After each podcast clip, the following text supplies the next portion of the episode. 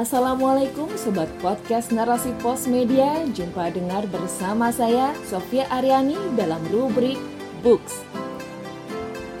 Books kali ini dengan judul Rasional tanpa menjadi liberal.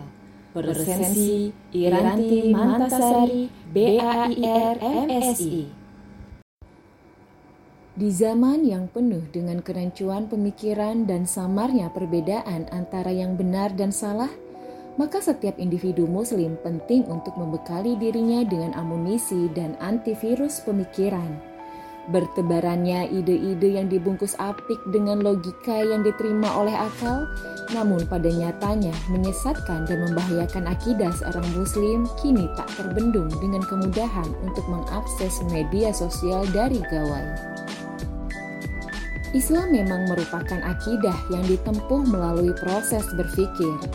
Hanya saja, kondisi tersebut tidak lantas menjadikan seorang muslim boleh menggunakan akal dan pikirannya semaunya tanpa tuntunan demi mencapai akidah yang sohih itu.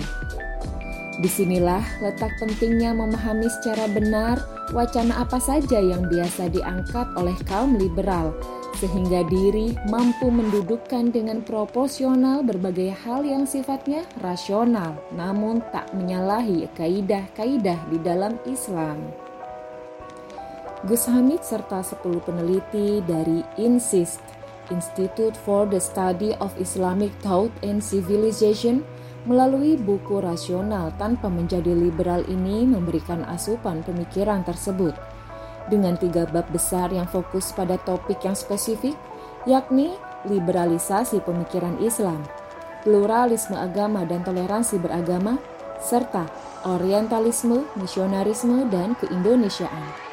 Para penulis buku antologi pemikiran ini mengupas secara tuntas isu-isu yang bisa menjerumuskan seseorang menjadi pengusung ide liberal. 41 subbab dari tiga bab besar yang ada sangat jelas membedah wacana yang sering digunakan oleh kalangan liberal untuk menyebarkan pemikiran mereka. Tak hanya membahas konsep-konsep dasar terkait pluralisme, liberalisme, orientalisme, dan lain-lain. Namun buku ini juga menghadirkan para pemikir dan peletak dasar fondasi ide-ide tersebut Hal ini bermanfaat bagi para pembaca agar tidak mudah terbuai dengan jualan ide kaum liberal karena tak mengenal siapa sosok yang ada di balik tersebar luasnya pemikiran-pemikiran tersebut.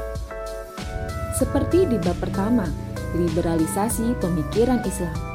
Para penulis menghadirkan ulasan yang mendalam tentang asal mula pemikiran liberal di dunia Arab yang merembet hingga ke Indonesia. Metode yang digunakan oleh para pemikir liberal tersebut juga dibahas pada bagian ini.